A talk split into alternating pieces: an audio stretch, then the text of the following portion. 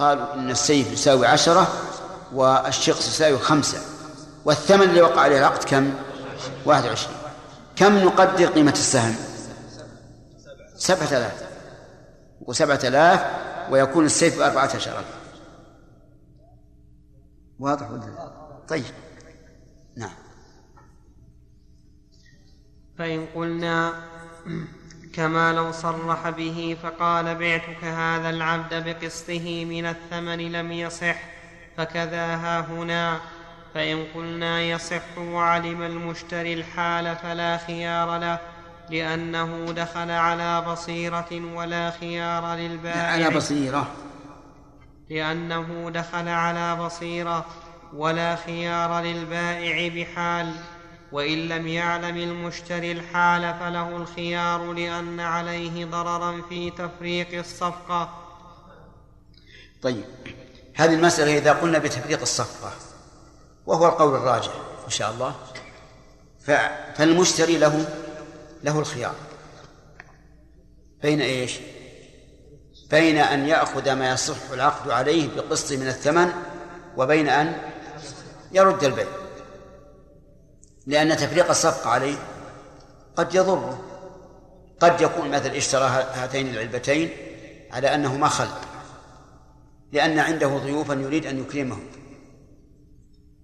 ولكن تبين أن واحدة أن واحدة منهما خمر وحينئذ لا يتم الإكرام. فيقول فات مقصودي. نقول لك الخيار رد البيع كله. البايع يقول لا خيار له لأنه عالم بالحال كما أن المشتري إذا علم بالحال فليس له فليس له خيار. يعني لو أن المشتري علم أن أحد المبيعين لا يصح عليه لا يصح عقد البيع عليه فلا خيار له. كما لو عرف أن هذا الرجل باع عبده وعبد غيره فإنه لا خيار له لدخوله على على بصيرة. طيب. واضح الآن ولا لا؟ طيب. البايع يقول لا خيار له بحال بناء على أنه عالم. لكن إذا كان جاهلا كرجل تاجر ما يدري عن أمواله كل مال وحده فله الخيار أيضا. والمهم أن أن الأولى أن نأتي بعبارة أعم فنقول لمن جهل الحال الخيار. لمن جهل الحال الخيار. ليشمل ذلك من؟ البائع. والمشتري. لكن صحيح أن البائع في الغالب لا يخفى عليه الأمر لكن قد يخفى. فإذا أتينا بعبارة ولمن جاهل وللجاهل الخيار وللجاهل بالحيال الخيار صار هذا هو العدل. إن كان الجاهل والبائع فله خيار إن كان الجاهل والمشتري فله الخيار. نعم. انتهى الوقت. لا يا شيخ. أي نعم. في كتاب البيع وإن لم يعلم المشتري الحال فله الخيار لأن عليه ضرر في تفريق الصفقة وإن اشترى معلوما ومجهولا بطل العقد فيهما لأن ما يخص المع... لأن ما يخص المعلوم من الثمن مجهول. وعلم من قوله لأن ما يخص المعلوم من الثمن مجهول أنه لو قدر لكل واحد منهما ثمنا فقال بعتك هذا الجمل وجملا آخر في المرعى كل واحد بعشرة. يجوز في المعلوم أو لا يجوز؟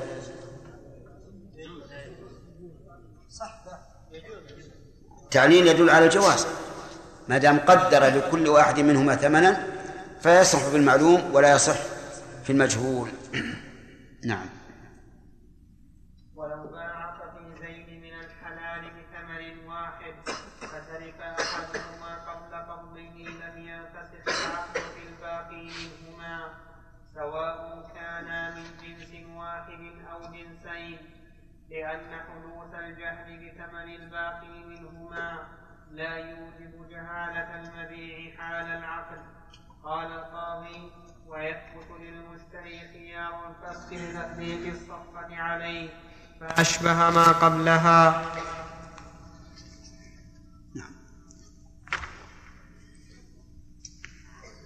ماشي واضح.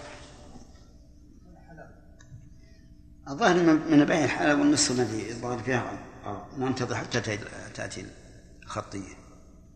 فصل فإن جمع بين عقدين مختلفي الحكم كبيع وإجارة أو صرف بعوض أو صرف بعوض واحد نعم. صح.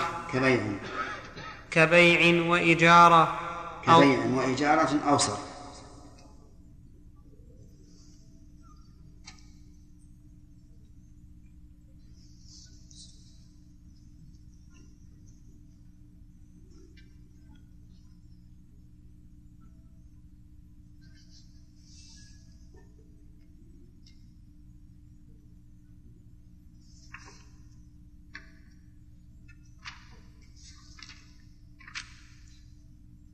وش عندك؟ ما انت بتحط كلمة بلغ على الهامش. وش اللي عندك بلغ؟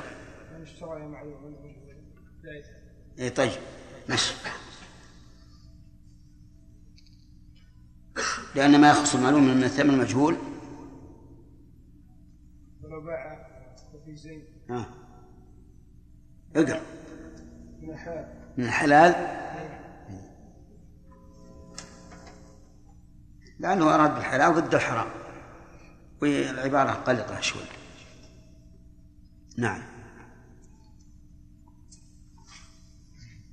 فإن جمع بين عقدين مختلفي الحكم كبيع وإجارة أو صرف أو صرف أو صرف. البيع والإجارة واضح أنهما مختلفان حكما. لأن البيع يقع على العين والإجارة تقع على المنافع. لكن البيع البيع والصرف أيضا الصرف يختلف عن البيع لأن الصرف بيع نقد بنقد وفيه وله شروط. والبيع ليس كذلك. وإن كان الصرف نوعا من البيع في الواقع لأنه بيع نقد بنقد لكن له أحكام خاصة فلهذا قال إنه يختلف الحكم بينه وبين البيع غير الصرف. نعم. فإن جمع بين عقدين مختلفي الحكم كبيع وإجارة أو صرف بعوض واحد صح فيهما لأن اختلاف حكم لأن اختلاف حكم العقدين لا يمنع الصحة كما لو جمع بين ما فيه شفعة وما لا شفعة فيه وفيه وجه آخر لا يصح. لأن حكمهما مختلف وليس أحدهما وليس أحدهما أولى من الآخر فبطل فيهما فإن البيع فيه خيار.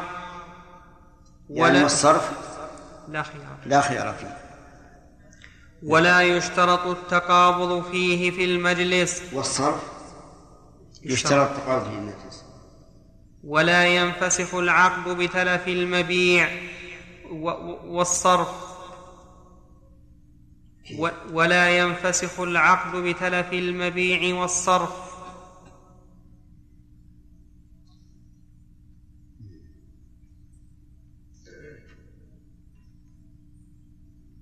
لأن تلف المبيع يكون على نصيب المشتري إلا ما كان من ضمان البائع كما سبق. ولا ينفسخ العقد. وكذلك أيضا الصرف لا ينفسخ بتلف المبيع والإجارة تنفسخ بتلف المس... آه، المؤجر. يرحمك الله. ولهذا قال وينفسخ العقد بتلف العين في الإجارة. على كل حال هذه المسألة إذا جمع بين شيئين في عقد. لا بأس به مثل أن يقول أجرتك بيتي وبعت عليك السيارة بكذا وكذا. فهنا إجارة في البيت وبيع في السيارة. أو أجرتك هذا البيت وبعت عليك هذا البيت. يصح لأن أحد البيتين آه، آه، ثبت ملكه بالبيع والثاني ثبت ملكه بالإجارة. لكن لو شرط قال بعتك بيتي بشرط أن تستأجر البيت الثاني. فالمذهب لا يصح والصحيح أنه يصح. وعلى هذا فإذا جمع بين عقدين بلا شرط فهو صحيح. وإن جمع بينهما بشرط فعلى المذهب غير صحيح والصواب أنه صحيح. والتعليل واضح أن ما جاز جمعه بلا شرط جاز جمعه بشرط لأنه لا لا يترتب على ذلك مفسدة. نعم. ويشترط له التقابض وينفسخ العقد بتلف العين في الإجارة. نعم.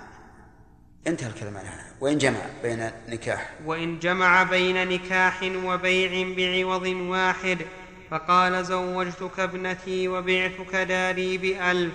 صح في أنا عندي بمئة. عندك؟ إيه.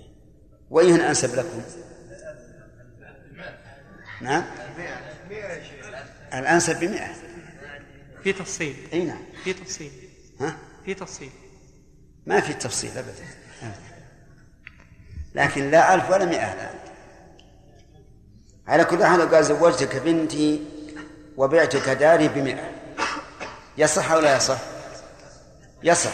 وتكون المئة عوضا عن المبيع وصداقا للمرأة.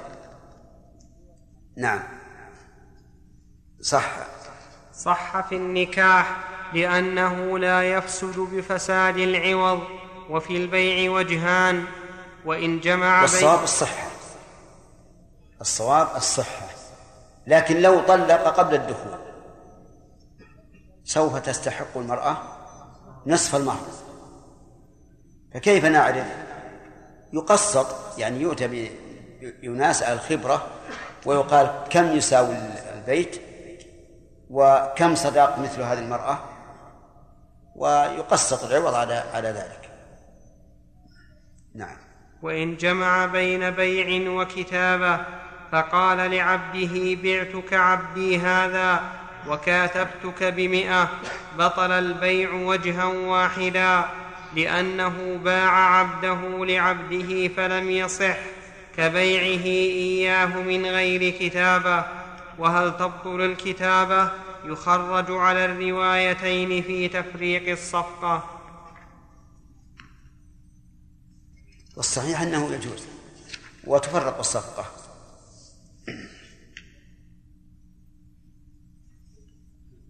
خلاصة هذا الفصل أنه إذا جمع بين عقدين فإن الجمع صحيح إذا لم يكن بشرط. وإذا كان بشرط فالمذهب لا يصح والصحيح أنه يصح. ما لم يتضمن محذورا شرعيا. فإن تضمن محذورا شرعيا بأن قال بعتك بيتي هذا آه، فقال اشتريته منك. بمئة بشرط أن أن أقرضك كذا وكذا. وكان ثمن البيت أكثر من قيمته الحقيقية فهنا نقول إنه ربح في في قرض فلا يجوز. نعم. جاءت الأسئلة؟ مو أنا اللي حدد الشيء ها؟ حجاج اللي حدد فيها أسئلة ولا لا؟ نعم نعم. طيب. نعم. خمرا وعصيرا صفقة واحدة. نعم. يصح في العصير ويبطل في الخمر. نعم. ونقدر الخمر عصيرا ثم نقص الثمن على ذلك. نعم. فلماذا لا يقال إنه يعني نبقي الخمر على ما هي عليه؟ ونقدر ثمنها خمرا عند من يبيعها كأهل الذمة. لا لا ما يجوز. لأن البيع غير صحيح شرعا قد يكون الفرق في الثمن كثير جدا. البيع الآن على على مسلم. ولا يمكن أن تقدر القيمة على أنها خمر لأن بيع الخمر يعني ثمن الخمر وثمن العصير قد يتفاوت تفاوت كبير جدا ما في شك. لكن ما ما نعتبره خمرا كل شيء محرم فإنه لا يجوز اعتباره. حتى الأمة الم... مثلا لو أن الإنسان قتل أمة غير مغنية وأمة مغنية.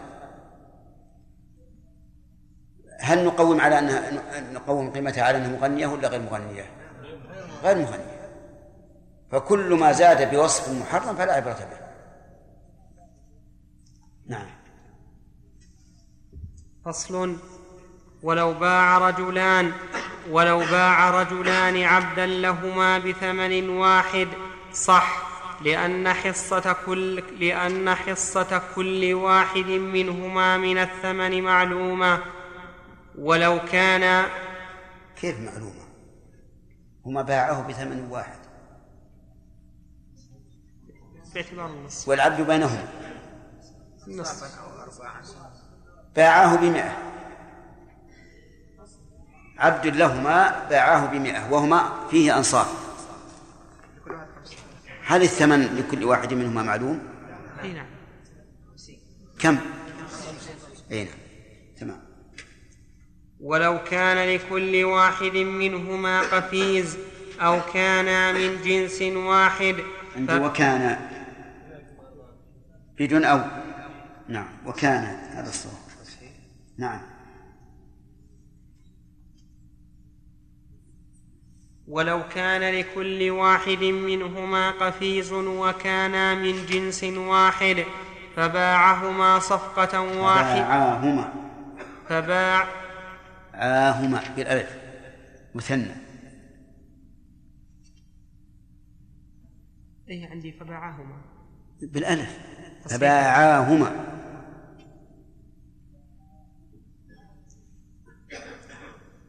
ولو كان لكل واحد منهما قفيز وكانا من جنس واحد فباعاهما صفقة واحدة صح لذلك. وإن كان المبيع مما لا ينقسم عليه الثمن مثل أن كان لكل واحد منهما عبدا فباع فباع فباعهما. فباعاهما.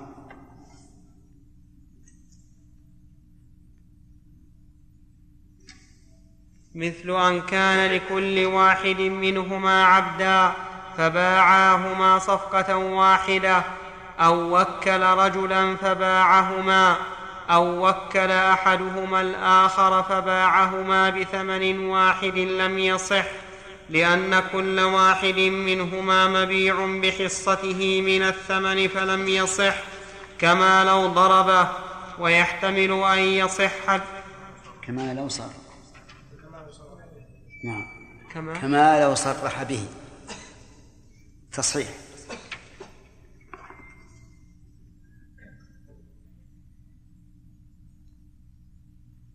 لأن كل واحد منهما مبيع بحصته من الثمن فلم يصح كما لو صرح به ويحتمل أن يصح بناء على تفريق الصفقة أو كما لو كاتب أو كما لو كاتب عبدين كتابة واحدة بعوض واحد. أعد. أو كما لو ك... الحمد لله. يهديكم الله ويصلح بالكم. أو كما لو كاتب عبدين كتابة واحدة بعوض واحد. هذا هو الصحيح. الاحتمال الثاني هو الصحيح. لأنه ما في جهالة. يعني لأن غاية ما هنالك إذا لم يصطلحا أن يؤتى بأهل الخبرة ويقال كم تقدرون عبد فلان؟ كم تقدرون عبد فلان؟ فمثلا إذا كان ثمن العبدين عشرة آلاف؟ وقالوا نقدر آه، عبد فلان بعشرة آلاف. وعبد فلان ثمانية آلاف. الجميع ثمانية عشر ألف. فهل نقول إنهما يقسمان يقتسمان عشرة الآ- الآلاف سواء؟ أو من عبده قيمته ثمانية آلاف ينقص ينقص ينقص مقدار العشر. وهل مجرى فالصواب أن ذلك أنه يجوز أن يبيع عبديهما بثمن واحد ثم إن اصطلحا فيما بعد فالأمر إليهما وإن لم يصطلحا فإنه يقسط الثمن على قيمة العبدين. نعم. شيخ بارك الله فيكم. هل قول الفقهاء أن كل قرض جر نفعا فهو ربا في كل الأحوال شيخ؟ نعم. في كل الأحوال. إي نعم. مثلا بارك الله فيكم لو هو هو قول الفقهاء وفي حديث لكنه ضعيف لكن المعنى يقتضيه. لأنه آه، لولا قصد الإرفاق والإحسان في في القرض لكان حرام. لأني لو بعت عليك درهم بدرهم تعطيني إياه بعد أسبوع مثلا. يجوز؟ لا يجوز. القرض إذا أقرضتك لو تبقى عشر سنوات ما يهم. لكن يا شيخ أقرضني رجل مثلا وأنا نعم. أعمل في إدارة مثلا أو كذا وت- وتباع كجمعية مثلا وتباع هذه البضاعة بثمن رخيص. فأنا من باب مجازاته على على فضله وخيره ابيع له هذا وهو يباع بنفس الثمن. ما في بأس. نعم. ما دام إنك تبيع تبيع كما يبيع تبيع على الناس. تبيع عليه كما تبيع على الناس لكن ابيع له يا شيخ هذا هذه البضاعة والناس يعني ليس كل أحد يستطيع شراء هذه البضاعة يعني. كيف؟ مثلا كسيرة أو كزحام مثلا على هذه البضاعة أو كذا أنا آتيه بها يعني آه، أنفعه بذلك يا شيخ يعني معناه بدل ما تخليه يأتي إلى إلى الدكان تأخذها بيدك تروح بالبيت يعني مثلا لا أعفيه من من الزحام أو من السيره أو من كذا الظاهر هذا لا بأس له هذا ما هي منفعه مال يعني. ما هي منفعة مال. أما إذا كان منفعة مال فلا يجوز. لكن تبي تخدمه في شيء جرت العادة بخدمه بخدمته فلا بأس. رحيم. الحمد لله رب العالمين. وصلى الله وسلم وبارك على عبده ورسوله نبينا محمد وعلى آله وأصحابه أجمعين.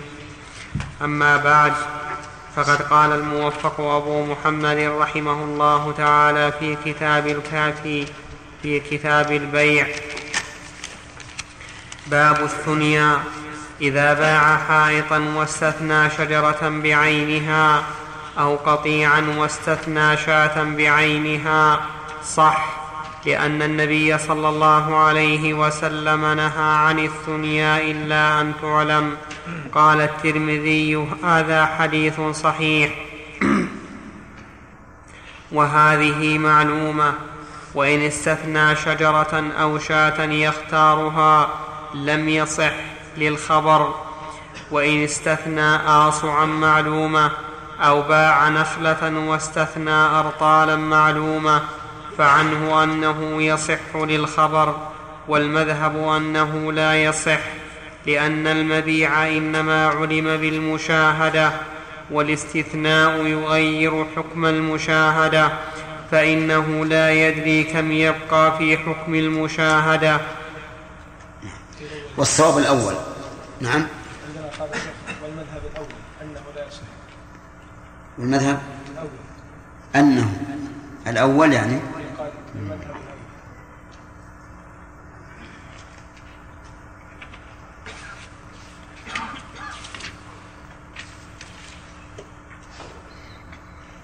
لا الأول ما ما يصح. الأول زائد على الظاهر لأنه ما ما ذكر الأول.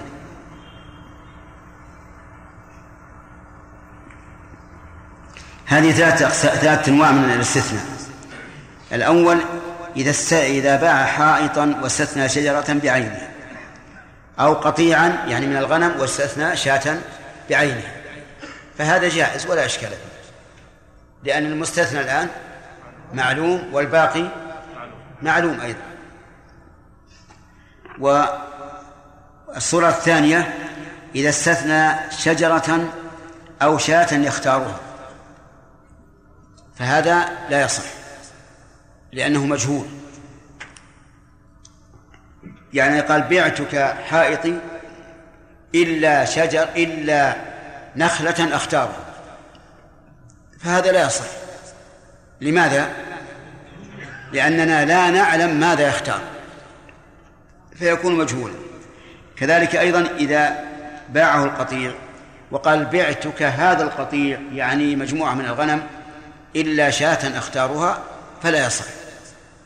لأنه لا يدرى ماذا يختار من القطيع الصورة الثالثة إذا باع نخلة واستثنى أرطالا معلومة أو باع صبرة واستثنى آصعا معلومة. ففي ذلك روايتان عن الإمام أحمد. الأولى يصح والثانية لا يصح.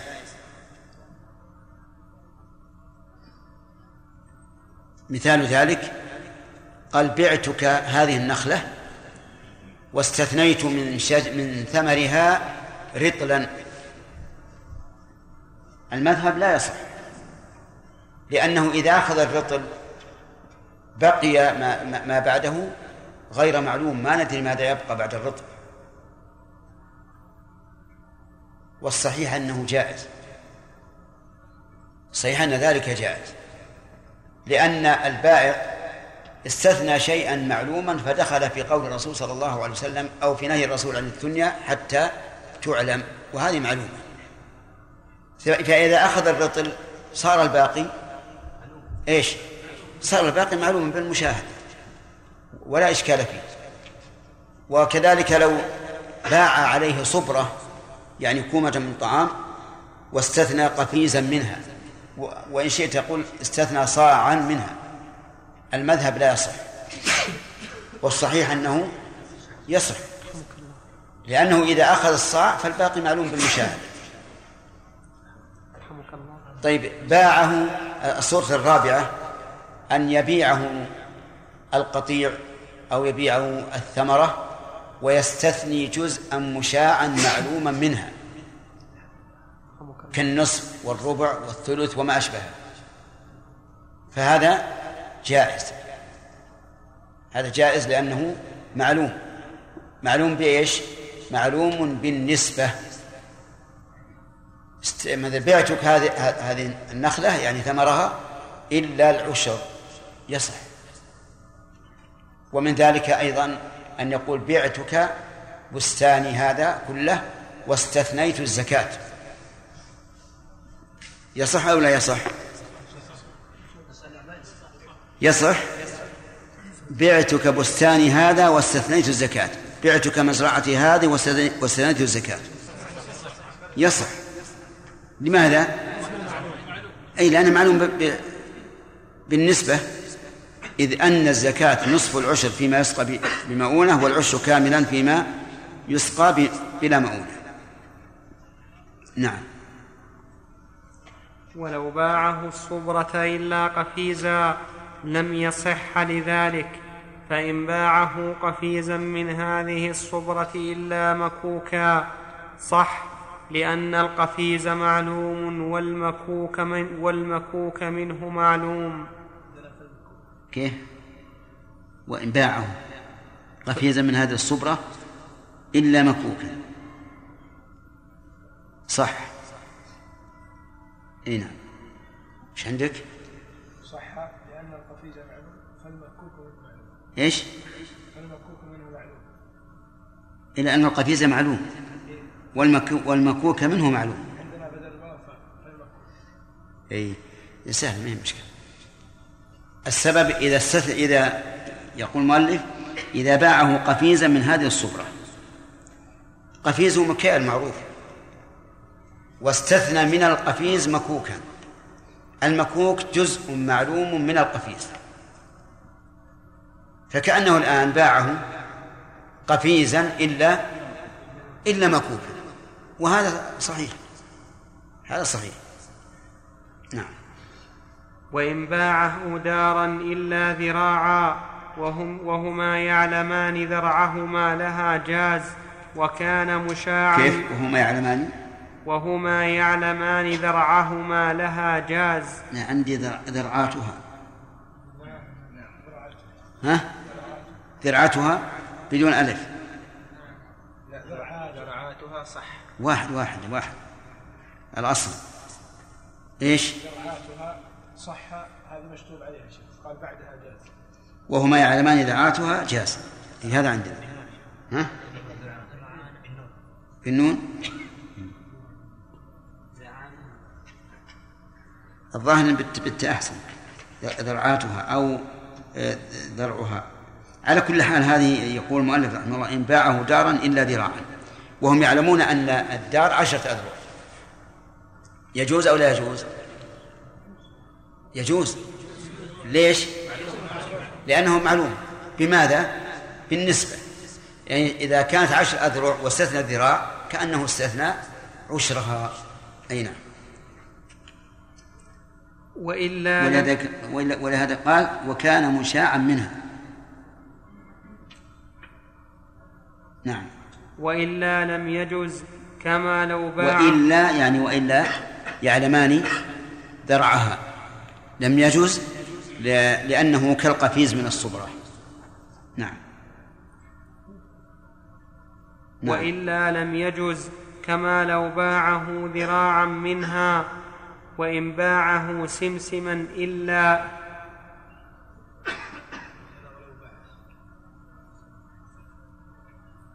كيف؟ ولو باعه سمسما اي ما يخالف لو ما هي مشكلة ما نعم.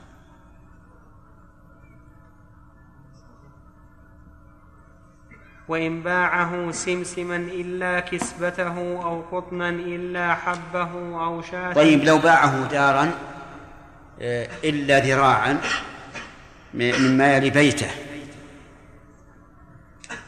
يصح أو لا يصح؟ على قول الرجح يصح أما على المذهب ما يصح. إلا إذا كان يعلمان ذرعه. إذا كان يعلمان ذرعها فربما يجوز على المذهب وأنا أشك في أنهم يجيزون هذا أيضا. لأنه إذا قال إلا ذراعا من مال بيتي فهذا كالمعين.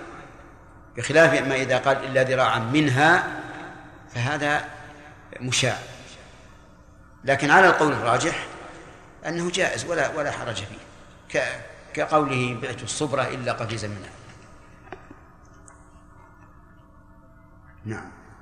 وإن باعه سمسما إلا كسبته أو قطنا عندي إلا إلا كسبة. بدون تاء.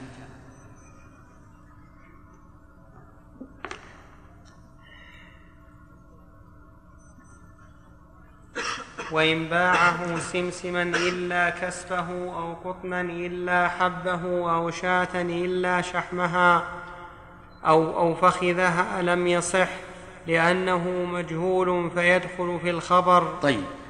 آه إلا كسبة ما هو كسب السمسم؟ ها؟ إيش؟ اي ما هو ما هو. الليف اللي يبقى منه إيه.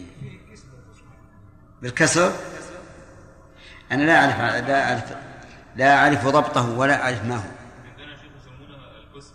لكن مم. لا بزر القطن أعرف معروف. في نوع يا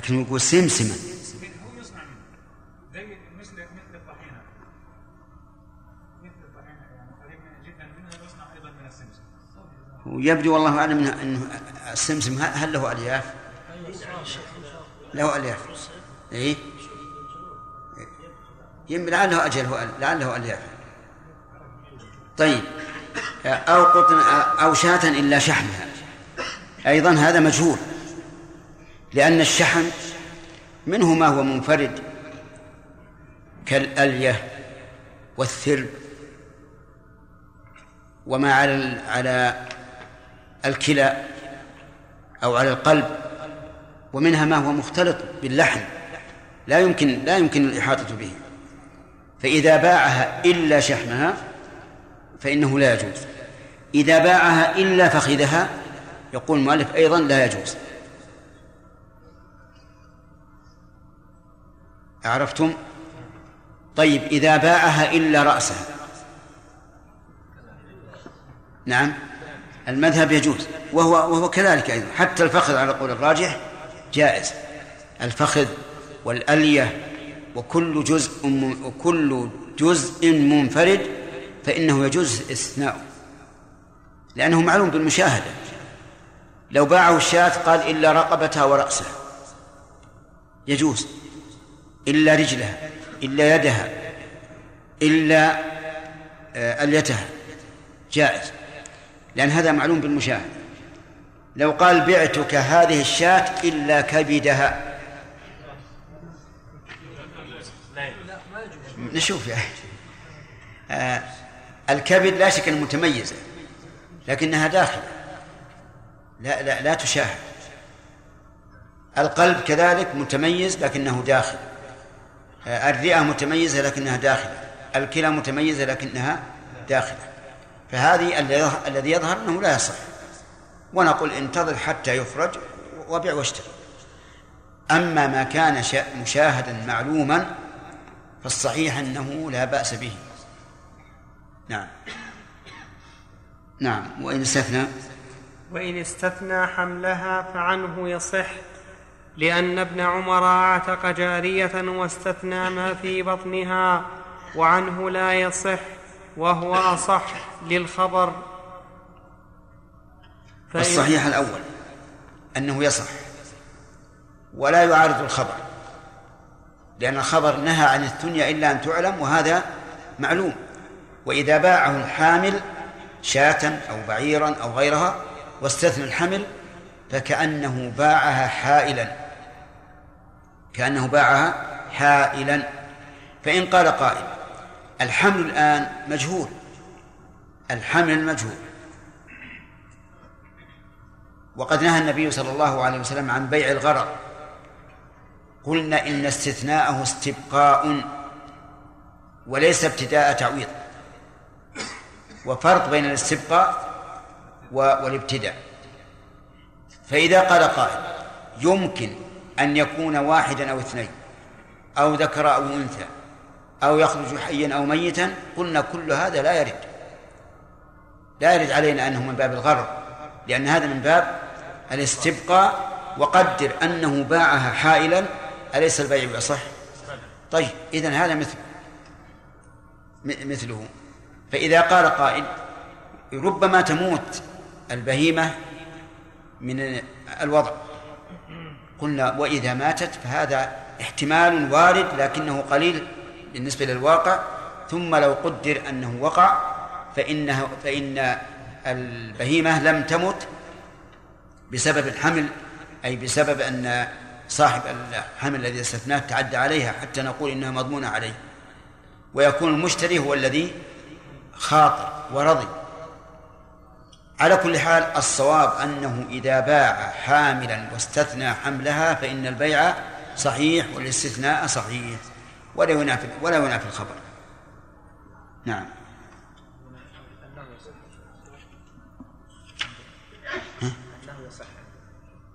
الصحيح أنه يصح. لا عندنا مكتوب في المطبوع انه يصح لا وعنه لا يصح وهو أصح. هذا هذا ما صحه المؤلف. وعنه يصح. الأخيرة عنه يصح وش عندك؟ الحمل. عندي وإن استثنى حملها فعنه يصح. نعم. لأن ابن عمر أعتق جارية واستثنى ما في بطنها. وعنه؟ لا يصح. هذا هو. صح. فإن ما جاوب السؤال. ما جاء طيب. فإن باع جارية حاملا بحر وقلنا يصح استثناء الحمل صحها هنا. وإن قلنا لا يصح وإن قلنا لا يصح ثم ففيه وجهان أحدهما لا يصح لأنه استثناؤه في الحقيقة. لا لأنه استثناه.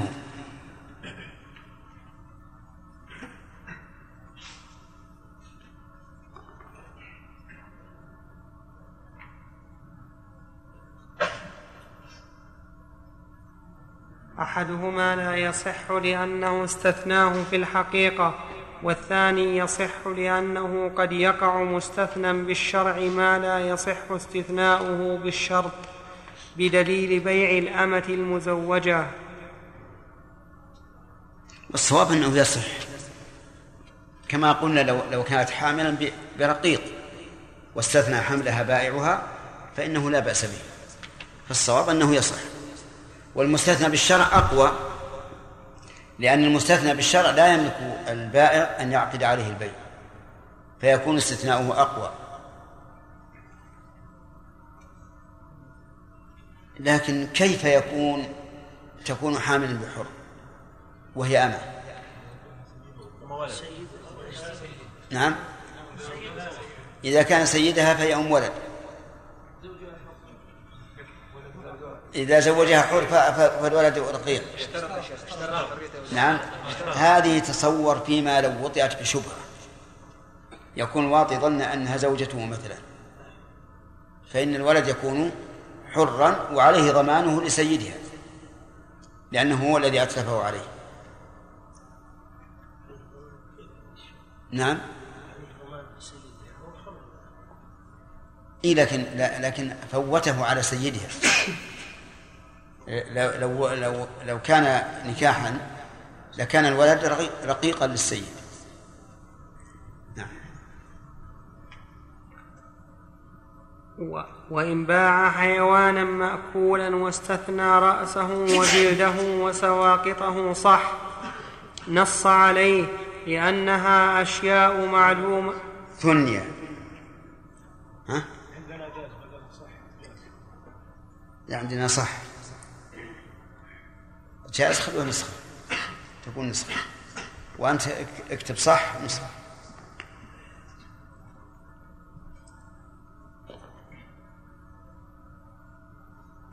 نعم. نص عليه لأنها أشياء معلومة. لأنها ثنيا معلومة.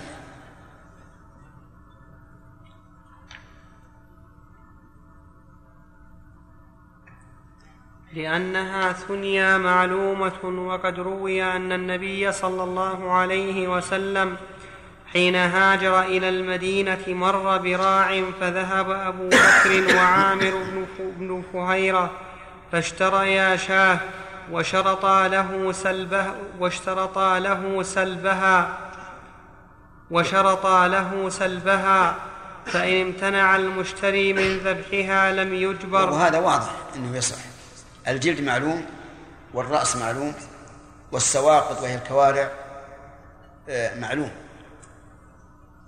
واضح؟ وعلى ما ذكرنا قبل قليل حتى لو استثنى الفخذ أو استثنى ال- اليد بعضدها أو استثنى الرقبة أو استثنى الألية فهو جائز. ما هو السلف؟ الجلد. السبب الجلد. أظن يصلح هذا جاء سؤال. يلا محجوب. ما جاء؟ السؤال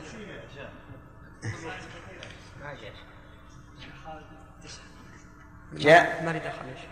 ها؟ أنا لا أتدخل. لا إيش لا أتدخل في موضوع الأسئلة. عجيب.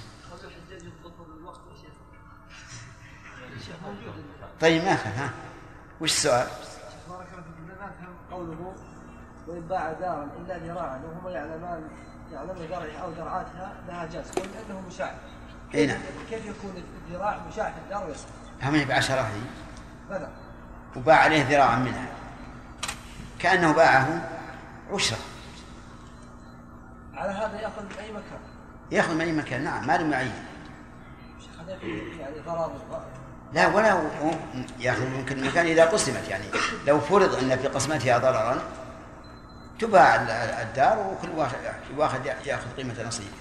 طيب شيخ لا إذا أخذ هذا من كلام المؤلف ويقول ذراعا وحد لا ذراع هذا في المقدار. ولهذا اشترط ان اشترط أن يعلم مقداره. ذراع. إي لازم يعلم المقدار لو قال ذراعا من هذه الدار ما صح.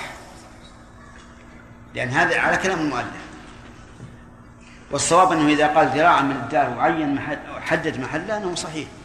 لا ما فهم لا إله إلا الله. مثل هذا رأى إنسان عنده دار ذرعها خلها أرض. ذرعها عشرة ذراع وباع عليه ذراعا منها. فهمت؟ ويعلم أنها عشرة. يصح. لماذا؟ واحد من عشرة. فيكون العشر تمام؟ باع عليه ذراعا من هذه الأرض وهما لا يعلمان ذريعته يصح ولا يصح؟ يصح لا يصح على رأينا أما على رأي المؤلف لا. هذا كقفيز من صبرة.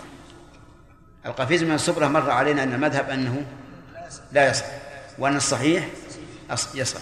الذراع من أرض غير معلومة الأذرعة كالقفيز من الصبرة التي لا يعلم قفزانها واضح؟ وعلى هذا فإذا باعه هذه الصبرة إلا قفيزا منها وهما يعلمان قفزانها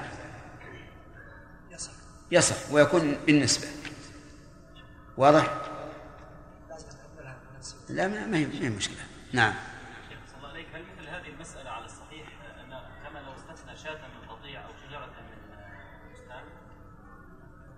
اللي هي؟ ونحن فيه أنه يصح كما ذراع من أرض. نعم. يصح. يصح. فهل مثل هذه كما لو استثنى شاة من قطيع؟ أي نعم. نعم. آه، استثنى شاة من قطيع أو شجرة من بستان. لا شا- شاة من قطيع ما يعلم وش الشاة اللي يبي. ما ما يدري. يمكن ياخذ أحسن شاة ويمكن ياخذ قليله ما ما يدري. فيكون مجهولا. تمام لا إله إلا الله اللهم صل على محمد. الله. قال ابن قدامة رحمه الله تعالى في باب الثنيا وإن باع حيوانا مأكولا آه، واستثنى القاعدة في باب الثنيا قبل أن نبدأ أن يكون المستثنى إيش؟ معلوما سواء علمت نسبته إلى المستثنى منه أم لم أم لم تعلم. فمثلا إذا قال بعتك هذه الصبرة من الطعام إلا قفيزا يصح أو لا يصح؟ على القول الراجح. يصح. لأن القفيز معلوم. والنبي صلى الله عليه وعلى آله وسلم قال عن الثنيا إلا أن تعلم. بعتك هذا القطيع إلا شاة منه. لا، فيه تفصيل يا أخوان. إذا كانت الغنم متساوية القيم. فالاستثناء يصح لأنها معلومة. كذا؟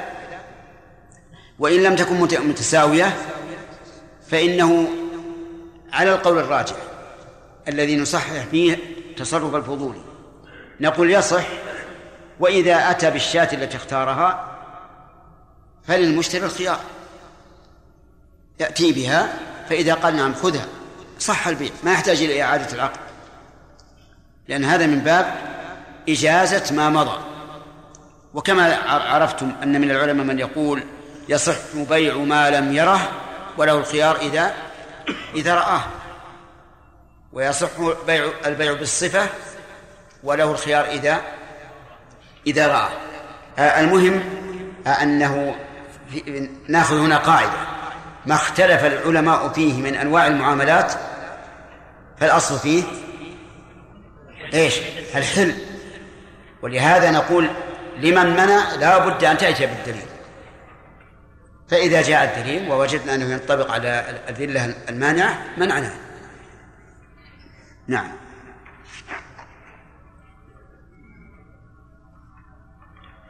قال رحمه الله تعالى فإن امتنع المشتري من ذبحها لم يجبر عليه لم يجبر عليه لم يجبر وعليه قيمة ذلك. لما لما روي عن علي رضي الله عنه أنه قضى في رجل اشترى ناقة وشرط ثنياها فقال اذهبوا معه إلى السوق فإن بلغت أقصى ثمنها فأعطوه حساب ثنياها منها. من ثمانية ها؟ إيش؟ إيه عندي فإن بلغت؟ لا لا بأس ما يضر. وعن الشعبي أنه قال قضى زيد بن ثابت وأصحاب رسول الله صلى الله عليه وسلم في بقرة باعها رجل واشترط رأسها بالشروى يعني أن يع- يعني أن يعطيه رأسا مثل رأس وعلى هذا يصح لأن المستثنى الآن إيش؟ معلوم بالمشاهد استثنى آه، يقول الرأس الجلد السواقط وهي الأكالع يصح. وذكرنا أن أن مثل ذلك أيضا اشتراط الألية والفخذ والعضد وما أشبه ذلك لأن هذا معلوم. فإن قال قائل وهل تقولون مثل إن مثل ذلك أن يشترط الكبد والقلب والرئة؟ فالجواب لا لأن هذه غير معلومة. في باطن الجوف فليست معلومة بالمشاهدة والأكبار قد تختلف صغرا وكبرا وكذلك القلوب. نعم. فصل. ومن باع شيئا واستثنى منفعته مدة معلومة كجمل اشترط ركوبه إلى موضع معين ودار استثنى سكناها شهرا وعبدا استثنى خدمته سنة. الصواب عبد.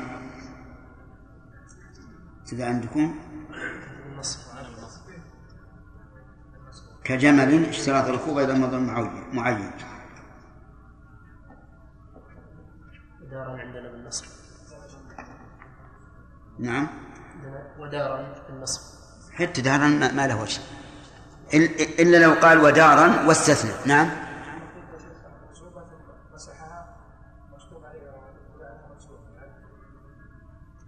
يعني مسح المنصوبة؟ إيه هذا هو الصحيح. وعبد استثنى خدمته سنة صح لما روى جابر أنه باع النبي صلى الله عليه وسلم جملا واشترط ظهره إلى المدينة متفق عليه. ولأنها ثنيا معلومة فتدخل في خبر أبي هريرة. فإن عرض المشتري على البائع أنتم فهمتم فيما إذا اشت- اشترط الرأس والجلد والأكالع إذا امتنع المشتري من من ذبحها. فإنه فإن عليه قيمتها لأنها لم تدخل في ملكه بسبب استثناء البائع كما قال المؤلف رحمه الله. فإن قال قائل لماذا لا تجعلونه آه، يضمنها بمثلها؟ قلنا لأنها دخلت بالتقويم فهي مستثناة فهي مستثناة من شيء مبيع عوضت عنه عوض عنها بالقيمة. فلا يمكن أن نقول لابد أن تأتي برأس بدله.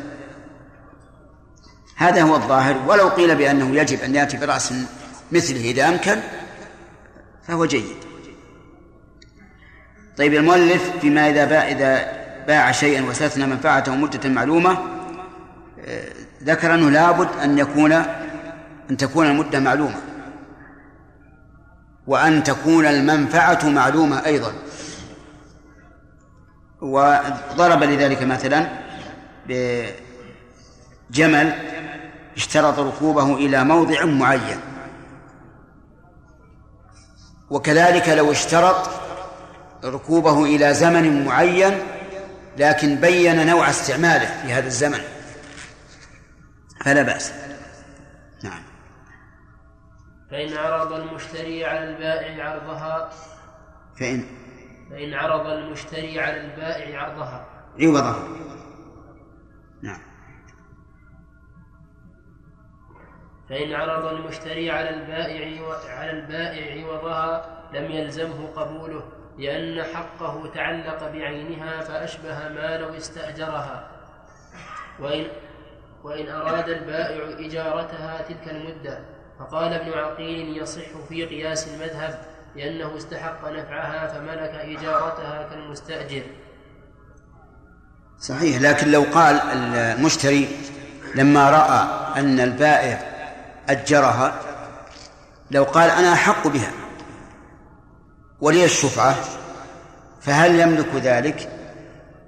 ظاهر كلامهم أنه لا يملك ولكن الصحيح أنه يملك ذلك لأن هذا من يعني من دفع الضرر عنه أن يأتي إنسان غير غير البائع يسكنها فإن فيه ضررا عليه. وما دام البائع قد تخلى عنها ولم يتمسك بها فإن مشتريها أحق بها من غيره لأنه لأن معه الأصل والمنفعة فرع. فهمتم هذه ولا لا؟ ما طيب. رجل باع بيتا واستثنى سكناه مدة سنة. فقبل المشتري ثم إن البائع أراد أن يؤجر البيت هذه السنة. فهل يملك ذلك أو لا؟ المؤلف يقول يملكه نقل عن ابن عقيل أنه يملك ذلك. لأن المنفعة له. أي للبائع كالمستأجر يستأجر بيتا لمدة سنة فله أن يؤجره لكن بشرط أن لا يؤجره لأحد أكثر منه ضررا كما مر أقول لو أن مشتري البيت قال للبائع ما دمت تريد أن تؤجره؟ فأنا أحق به أنا أعطيك الأجرة. فهل يملك ذلك أو لا؟ نقول ظاهر كلام الفقهاء أنه لا يملك والصواب أنه يملك ذلك. وأنه يقال للبائع خذ الأجرة التي تريد أن تأجرها به منها من من المشتري. ولا تدخل عليه أناس أناسا قد يضرونه. واضح؟ طيب. وإن أتلف المشتري العين فعليه قيمة المنفعة لتفويته حق غيره. وإن تلف بغير. وإن تلف بغير تفريط فكلام أحمد رضي الله عنه عنه يقتضي ذلك بعمومه ويحتمل ألا يضمن لأن البائع لم يملك المنفعة من جهة المشتري فلم يلزمه فلم يلزمه عوضها له. كما لو كما لو تلفت النخلة المبيعة مؤبرة بثمرتها والحائط الذي استثنى منه شجرة. ويحتمل كلام أحمد على ويحمل. ويحمل كلام أحمد على من فرط. هذا هو المتعين. المتعين أنها أنه لو تلفت هذه العين فلا ضمان على المشتري. لأن البائع لم يملك هذه المنفعة من جهة المشتري وإنما ملكها بالاستبقاء لا بتجديد الملك. مش معنى ما معنى بالاستبقاء؟ لأنه لما استثنى المنفعة كأنه أبقى المنفعة التي تكون تابعة للأصل أبقاها على على ملكه. فالصواب المتعين أنها لو تلفت فلا ضمان على المشتري ولكن إن فرط في هذا في تلفها فهنا يتوجه أن يضمن آه، الأجرة للبائع. نعم. ها؟ اي عندك ويحتمل يحتمل؟ كلام أحمد عندك؟ اقرأ. لا يحمل. تصحيح نعم. قلنا لا يجوز الاستثناء في الكبد نعم. الكبد لا يجوز استثناء نعم. لا نقول إن هذا للعلم خاصة بالتاثير لا حتى نفس الوقت. لا ما يجوز. ما يجوز لأن لأن يت- يتجاسر الناس على هذا الشيء. ومش مشكلة. إذا إذا إذا استثناها وصارت صغيرة مشكلة. ما يكفي. نقول إذا كنت راضية فإذا ذبحناها وطلعنا الكبد فاستثنها ونزل من القيمة. نعم. نعم. نعم. الحمل منفصل. مهم مهم الكبد من الأجزاء. فالحمل لا بأس به. على قول الراجح يصح أن يستثنيه لأنه كأنه باعها على أنها حائل. اللبن بمعنى. إي يعني مثل لو لو لو باعها شاة لبونا واستثنى اللبن الموجود الآن يعني. لا بأس. نعم.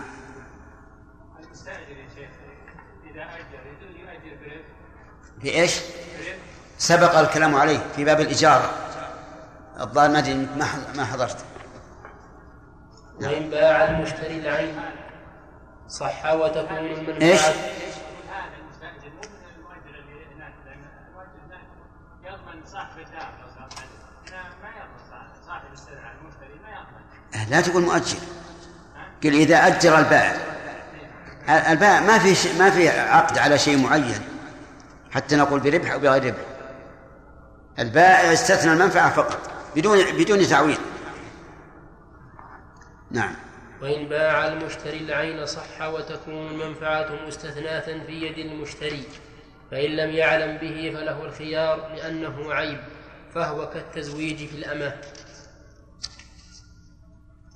نعم هذا واضح. ومن باع أمة واستثنى وطأها لم يصح لأنه لا يحل إلا في تزويج أو في ملك يمين ومن استثنى مدة غير معلومة لم يصح للخبر. من ذلك أن يقول مثلا بعتك بيتي بمائة ألف على أن أبقى ساكنا فيه حتى أجد بيتا. هنا ال- المدة معلومة ولا غير معلومة؟ غير معلومة لا يصح. والصحيح أنها أنها أن ذلك صحيح بشرط أن يذكر مدة أعلى بأن يقول استثنيت سكناه حتى أجد بيتا في خلال سنة. فهذا لا لا بأس به.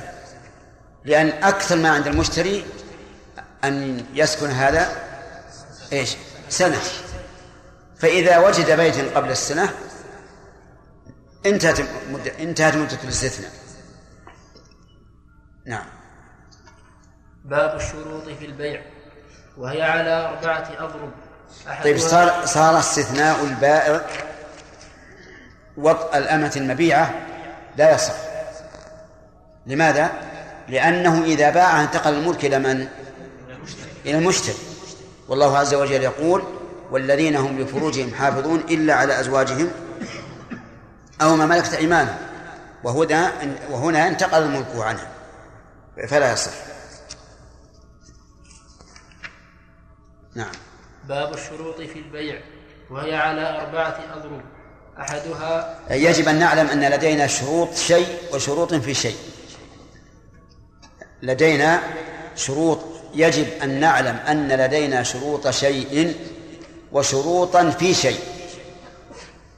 فما هو الفرق؟ الفرق من وجهين. الأول شروط الشيء تتوقف عليه صحته. والشروط في الشيء يتوقف عليه لزومه في من شرط له ذلك الشيء.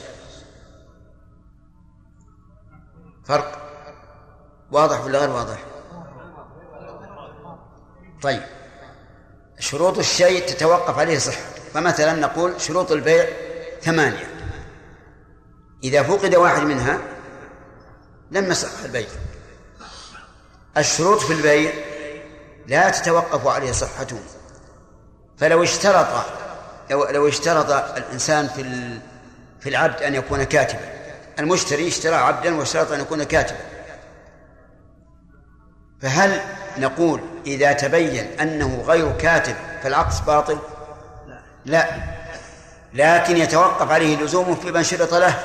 نقول لمن شرط له أن العبد كاتب؟ الخيار. إن شاء أمضى البيع وإن شاء رده. لعدم الوفاء بالشرط. أفهمتم؟ طيب. الفرق الثاني شروط الشيء موضوعة من قبل الشرع والشروط في الشيء موضوعة من قبل العبد. من قبل المتعاملين ببيع أو إجارة أو غير ذلك. هذا هو الفرق بين بين هذا وهذا. ممكن أن نزيد فرقا ثالثا فنقول شروط الشيء شروط ثابتة شرعا سواء اشترطت أو أم لم تشترط.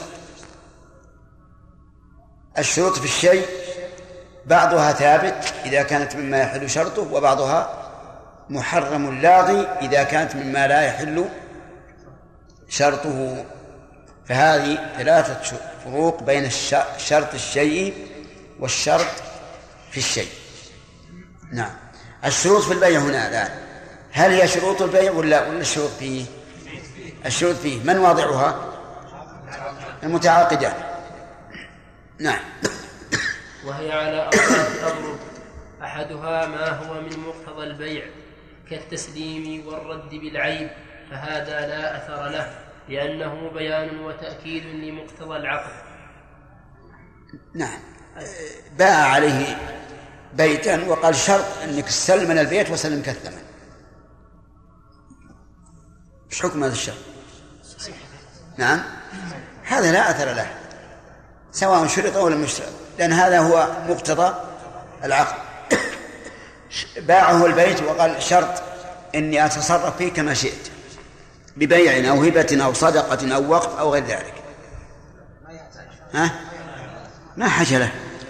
هذا ثابت بمقتضى عقد نعم. الثاني نعم.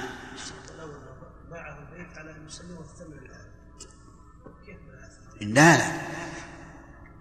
بعتك هذا البيت على اني أسلمك إياه وتسلمني الثمن. إيه هذا ما, له اثر لأنه معروف انه لابد يسلمها الثمن وذاك لابد يسلمها البيت. لا لا ما هو الأصل. إذا إذا لم نؤجل في الأصل الحلول. نعم. الثاني ما هو من مصلحته؟ كالخيار والأجل والرهن والضمين. فهذا شرط صحيح لازم ورد الشرع به نذكره في مواضعه. من مصلحة العقد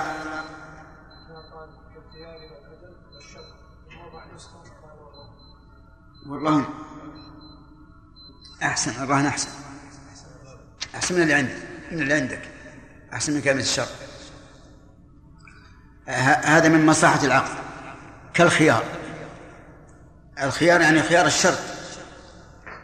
مثل أن أبيعه دارا ويقول لي الخيار لمدة شهر.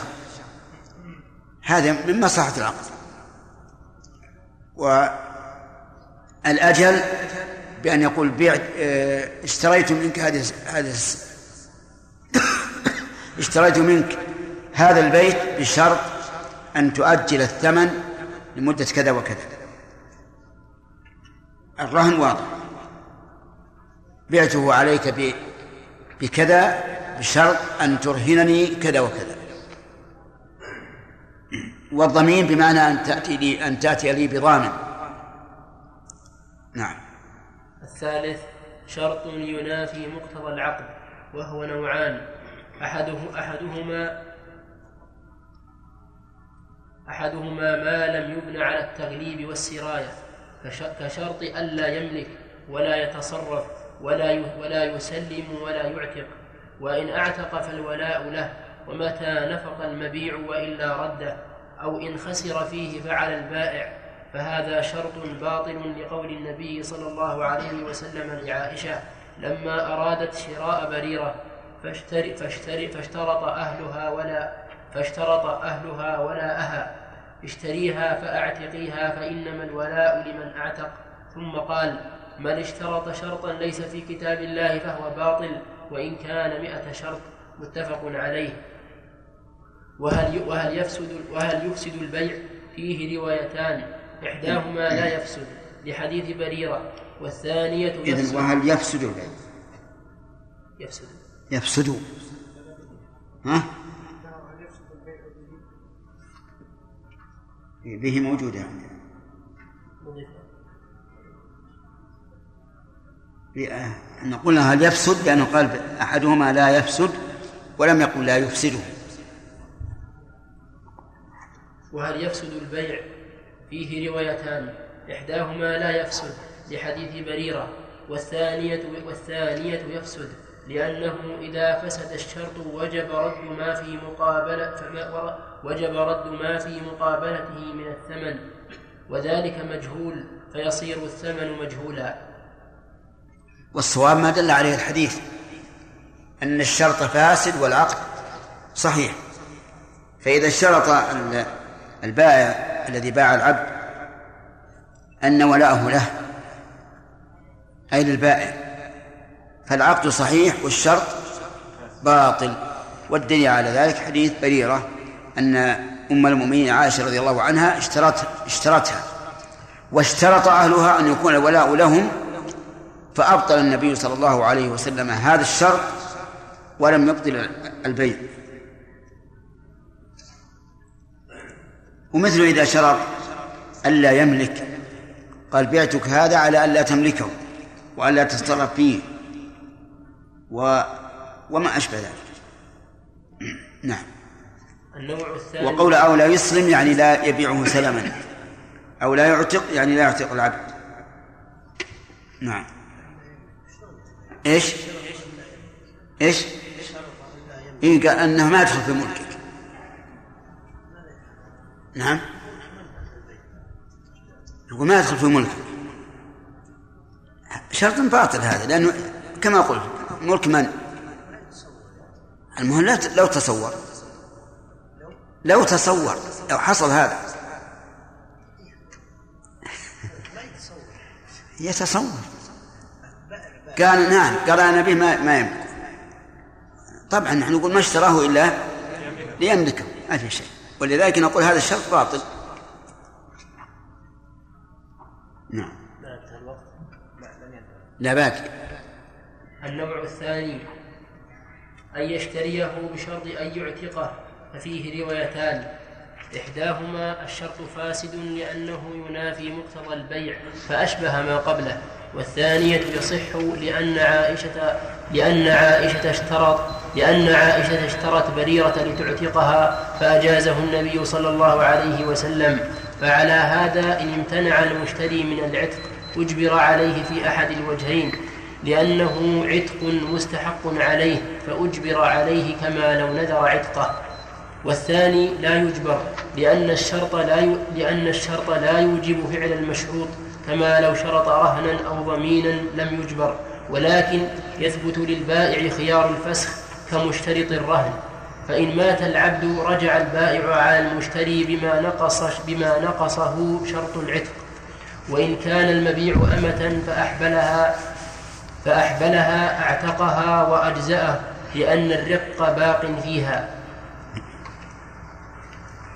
كذا عندك مخطوطة. إذا اشترط أن يعتقه ففيه روايتان. إحداهما الشرط فاسد والثاني الشرط صحيح. والصواب أن الشرط صحيح لأن البائع قد يكون له في ذلك غرض. فإذا قال قائل إذا كان البائع قد اشترط على المشتري أن يعتقه فما فائدة المشتري؟ قلنا فائدته أن أن يكون الولاء له. أن يكون الولاء له. فإذا قال قائل ما فائدة البائع إذا باعه واشترط على المشتري أن يعتقه قلنا فائدته أنه يأخذ إيش؟ الثمن. ربما يكون الرجل هذا ما يستطيع أن يعتق العبد وهو يرغب أن العبد يعتق وهو ليس عنده مال فباعه وشرط أن يعتق. ومن المعلوم أنه إذا باعه وشرط, وشرط أن يعتق سوف ينقص إيش؟ سوف ينقص الثمن كثيرا. لكنه يقول يكفيني ما ما يحصل من الثمن. فصار كل من البائع والمشتري في هذه المسألة له له غرض صحيح. نعم. انتهى الوقت.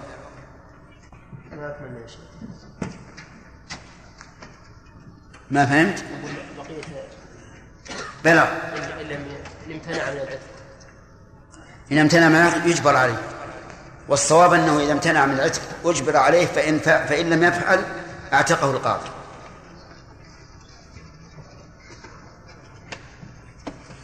بين شروط البيع والشروط في البيع. ولا لا؟ طيب. الرابع ما لا ينافي مقتضى العقد ولا هو من مصلحته وهو نوعان. أحدهما أحدهما أن يشترط عقدا آخر. مثل مثل أن يبيعه بشرط أن يبيعه عينا أخرى أو يؤجره أو يسلفه أو يشتري منه أو يستسلف. فهذا شرط فاسد يفسد العقد به لأن النبي صلى الله عليه وسلم قال لا يحل بيع وسلف ولا شرطان في بيع قال الترمذي هذا حديث صحيح ونهى عن بيعتين في بيعة وهذا منه هذا الرابع مهم جدا. لا, بد أن نعرفه معرفة تامة. ما لا ينافي مقتضى العقد. يعني معناها أن أن العقد يبقى على ما هو عليه والبائع ينتفع بالثمن والمشتري ينتفع بالسلعة وله ولا هو من مصلحته. يعني من مصلحة العقد كالرهن والأجل وما سبق. فهذا نوعان. أحدهما أن يشترط عليه عقدا آخر. مثل أن يبيعه بشرط أن يبيعه عين أخرى قال أبيعك سيارتي بشرط أن تبيع علي سيارتك. يقول مالك إن هذا الشرط فاسد مفسد للعقد فاسد مفسد للعقد ولو قلنا إنه فاسد غير مفسد للعقد لصح البيع الأول ولم يلزم البيع الثاني. يعني صح أن يبيعه السيارة لكن لا يلزم المشتري أن يبيعه سيارته. لكن المؤلف يقول لا لا يصح العقد لا الأول ولا الثاني. والصحيح أنه جائز أن أن هذا الشرط جائز. لأن فيه مصلحة ولا فيه مضرة. والأصل في المعاملات الحل. فإذا قال بعني سيارتك قال أنا ما عندي سيارة. أبيعك سيارتي بشرط أن تبيع علي سيارتك وش ما المانع؟ يكون المشتري لا يريد سيارته التي عنده والبائع كذلك آه، لا يريد أن أن يتخلى عن السيارة. لا بد لا بد له من سيارة. ما المانع؟ كذلك أيضا لو قال بعني بيتك بعشرة بمئة ألف ريال. قال ما في مانع. أبيعك بيتي بمئة ألف ريال. بشرط أن تؤجرني بيتك لمدة شهرين حتى أجد بيتا أشتريه يصح أو لا يصح؟ على كلام المؤلف لا يصح لأنه شرط عليه عقدا آخر والصواب أنه صحيح لأنه ما في مانع لا ظلم ولا غرر ولا ربا كل شيء واضح وصريح وفيه مصلحة للمتعاقدين. كذلك أيضا مثال آخر أو يؤجره هذا اللي ذكرنا ذكرنا الأجار أو يسلفه. يعني يعطيه سلفا أي سلما. وهذا غير الاستسلاف استسلاف القرض. يسلفه يعني يقول أنا ما ما عندي مانع أن أبيع عليك سيارتي لكن بشرط أن تعطيني سلما. ألف ريال ثمن آه، حب قمح أعطيك إياه بعد سنة لأجل أن يستفيد بائع السيارة. من ثمن السيارة ومن الدراهم التي أسلمت إليه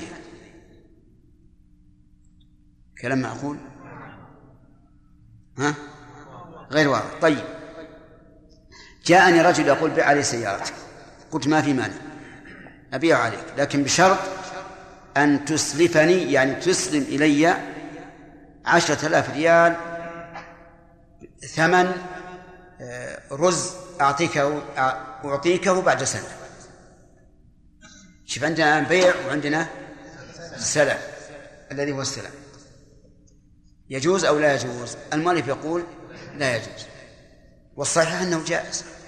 لكني أنا أقول لكم الآن ما فائدة اشتراط بائع السيارة أن يسلم إليه المشتري ثمنا لقمح لرز يشتريه بعد يسلمه له بعد؟ قلنا فائدته أنه يستفيد من الثمن الذي قدم إليه مع ثمن السيارة. طيب. أو يشتري منه. جاء إلي شخص وأريد أن تبيعني الفلة الشرقية. قلت ما في مانع. لكن بشرط أن تشتري مني الفلة الغربية. الغربية لأني أنا أريد أن يكون آه، الفلتان سواء فقال ما في مانع. فعقدنا البيع للشرقية بمئة ألف وللغربية بمئة ألف أو بأقل أو أكثر. المؤلف يقول إن هذا إيش يجوز أو لا؟ لا يجوز. والصحيح أنه جائز ولا بأس به. وسواء عين لكل واحدة منهما ثمنا خاصا أو اشتراهما جميعا بثمن واحد. لا بأس. أو يستسلف يعني يستقر. هذا هو الذي لا يجوز. لماذا؟ لئلا يؤدي إلى سلف يجر نفعا. والسلف الذي يجر نفعا محرم. ولهذا قال النبي عليه الصلاة والسلام لا يحل سلف وبيع. لا يحل سلف وبيع. مثال ذلك طلب من طلب رجل من آخر أن يبيع عليه بيته. أن يبيع عليه بيته أو آه نعم فقال لا بأس. لا بأس. بشرط أن تسلفني مئة ألف. مئة ألف. فسلفه الآن المشتري سلفه سلفا جر نفعا أو لا؟ جر نفعا لأن البائع انتبه البائع سوف يراعي آه، إقراضه وسوف يبيع عليه ما يساوي مئة بتسعين علشان يأخذ إيش؟ علشان يأخذ القرض. فيكون المقرض الآن استفاد أو ما استفاد؟ استفاد. سيقرض مثلا مئة ألف. نعم. و ولكنه نزل له من ثمن من ثمن آه، البيت الذي ذكرنا إذا كنا مثلنا بالبيت ما يكون منفعة له. فلهذا إذا اجتمع شرط وإذا اجتمع بيع وسلف بالشرط فهذا لا يجوز. أما بدون شرط فلا بأس. وأما يقول فهذا شرط فاسد يفسد العقد لأن النبي صلى الله عليه وسلم قال لا يحل سلف وبيع. ومعلوم أنه إذا قال رسول الله يحل سلف وبيع فلا يمكن لأحد أن يقول إن ذلك حلال أبدا. لكن قال ولا شرطان في بيع. شرطان في بيع بعض العلماء يقول كل بيع تضمن شرطين فهو فاسد. سواء كان الشرطان من مقتضى العقد أو مصلحة العقد أو لا يتعلق بمقتضاه ولا مصلحته. لا شرطان في بيع وشرطان نكر في سياق إيش؟ النفي فتعم. وبعضهم يقول إن كلام الرسول عليه الصلاة والسلام المطلق يجب أن يحمل على المقيد فيحمل قوله ولا شرطان على شرطين إذا اجتمعا صار باجتماعهما محذور شرعي. وإذا انفردا لم يكن في في ذلك محذور شرعي. وأما مجرد الشرطين فهذا بعيد أن يكون الرسول عليه الصلاة والسلام أراده مثال ذلك مثل رجل آه، باع على شخص بيتا. وشرط المشتري على البائع شرط عليه أن يزوق هذه الحجرة بأن يجعل فيها ديكور وأن يفتح بابا مع للحجرة الثانية. هذان شرطان هل نقول هذا حرام؟ ما ما أحد يقول هذا حرام. لا أحد يقول هذا حرام. وإن كان شرطين وكذلك ما ذكرنا أنه الراجح إذا شرط عليه أن يبيع عليه بيت آخر أو حاجة أخرى فإن ذلك لا يضر.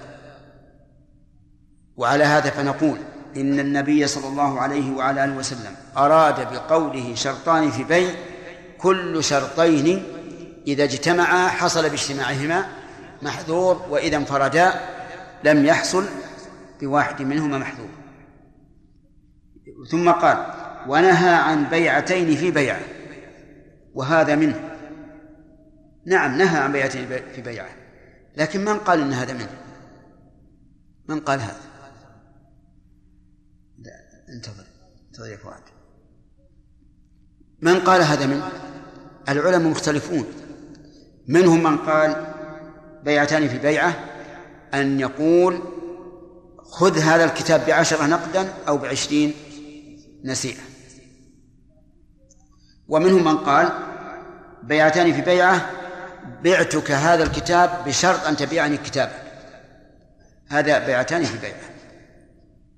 وما دام العلماء لم يتفقوا على تفسير الحديث فإنه يجب أن يطبق الحديث على ما تدل عليه السنة. والسنة دلت على أن البيعتين في بيعة هي مسألة العينة تماما. حيث قال النبي صلى الله عليه وسلم من باع بيعتين في بيعة فله أوكسهما أو الربا. فله أوكسهما أو الربا. وصورتها أن يبيع شيئا بثمن مؤجل. مثل أن يبيع سيارته على شخص قال هذه السيارة بعتها عليك بعشرة آلاف لمدة سنة. الثمن الآن مؤجل ولا غير مؤجل؟ كم؟ سنة. ثم أخذ المشتري ثم عاد البائع إليه وقال بعنيها بثمانين نقدا. فباعها. هاتان بيعتان في بيعة. البيعة الأولى والبيعة الثانية والبيعة الثانية.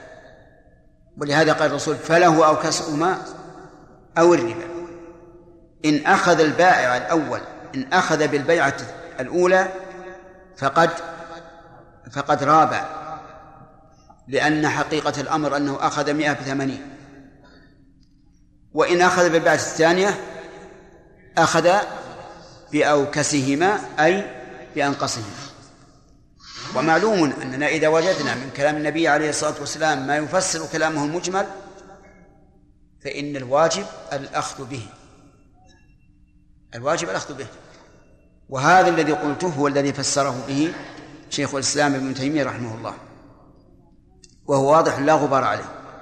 وإنما كانت البيعتان في بيعة على الوجه الذي ذكرت محرمتين لأنه حيلة على ربا النسيئة والفضل بإدخال سلعة بينهما غير مقصودة فهو إما حيلة وإما ذريعة.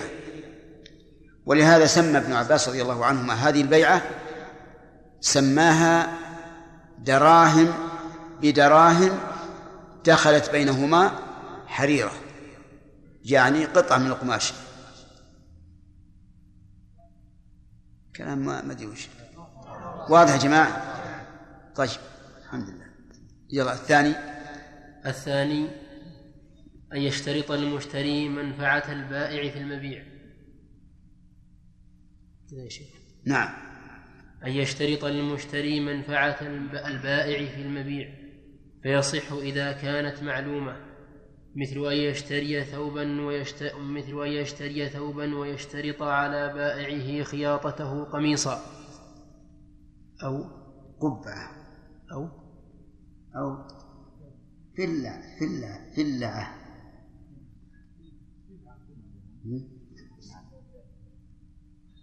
كيف؟ فلعة نعم يقول الفلعة القطعة والمقصود هنا القطعة من الجلد كيف؟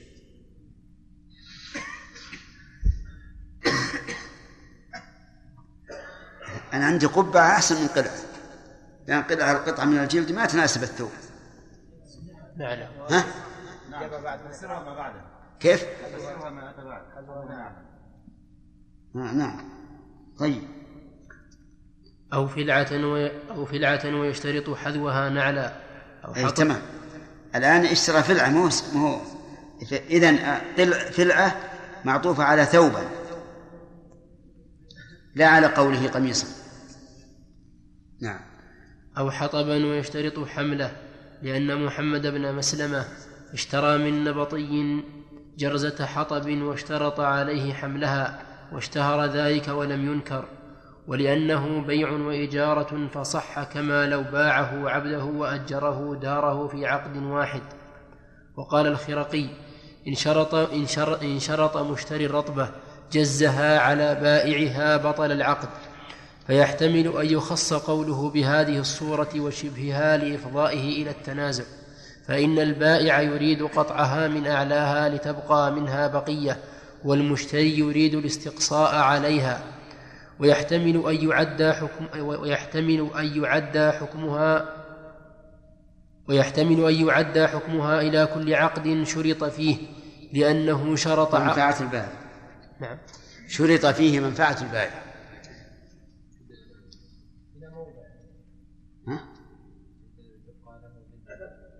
ما هي مشكلة حتى عندي اختلاف.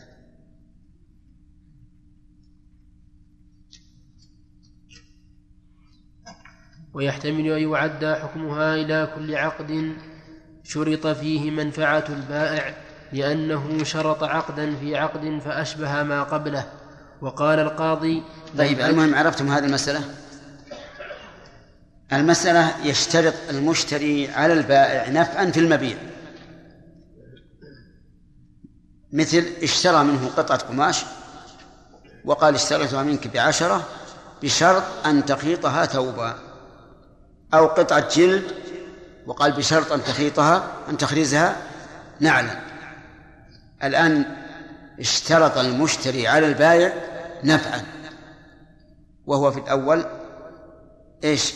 خياطة الثوب والثاني خرز الجلد. المنفعة الآن هي خارجة عن المبيع ولا في المبيع؟ في المبيع. يقول المؤلف إن هذا جائز. لكن انتبهوا. منفعة البائع في المبيع. طيب فإن شرط منفعة المبيع البائع في غيره في غير المبيع. قال اشتريت منك هذا الثوب بشرط أن تخرز لي هذا النعل. يقول المشتري للبائع أيجوز أو لا؟ الجواب لا يجوز لأن هذه هي المسألة الأولى. هذه بيع وإيجار. أما المسألة التي ذكرنا فهي فهي شرط في منفعة في المبيع.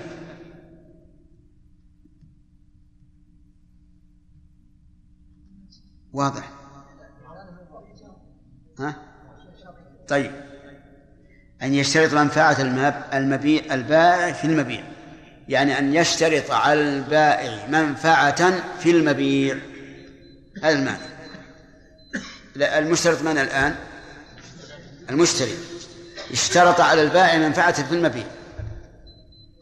مثال ذلك اشترى منه ثوبا يعني غير مخيط قطعة قماش وقال اشتريتها منك بعشرة بشرط أن تخيطها لي قميصا. فوافق. الآن الشرط شرط منفعة. منفعة من؟ لا منفعة البائع يعني المشتري اشترط أن ينتفع من البائع فهنا منفعة البائع من باب إضافة المنفعة إلى آه، نعم إلى الفاعل لكن على أنه على أنه مطالب بها. صورة المسألة اشترط المشتري على البائع نفعا يكون في نفس المبيع. المثال يوضح يا أخوان ما هي مشكلة.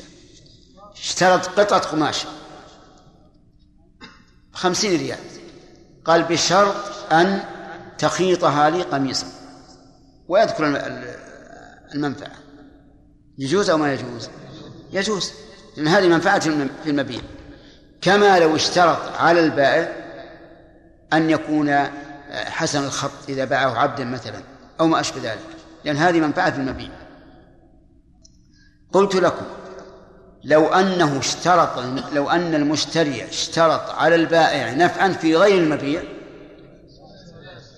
فهذا ينبني على الخلاف في المسألة الأولى في, في النوع الرابع. على القول بأنه لا بأس عقدا آخر إذا لم يكن محذور شرعي فهذا جائز. لكن على المذهب ليس بجائز. مثال ذلك اشتريت ثوبا من بائع وقلت له اشتريته منك بمئة بشرط أن ترقع لي ثوبي الثاني. يجوز أو ما يجوز؟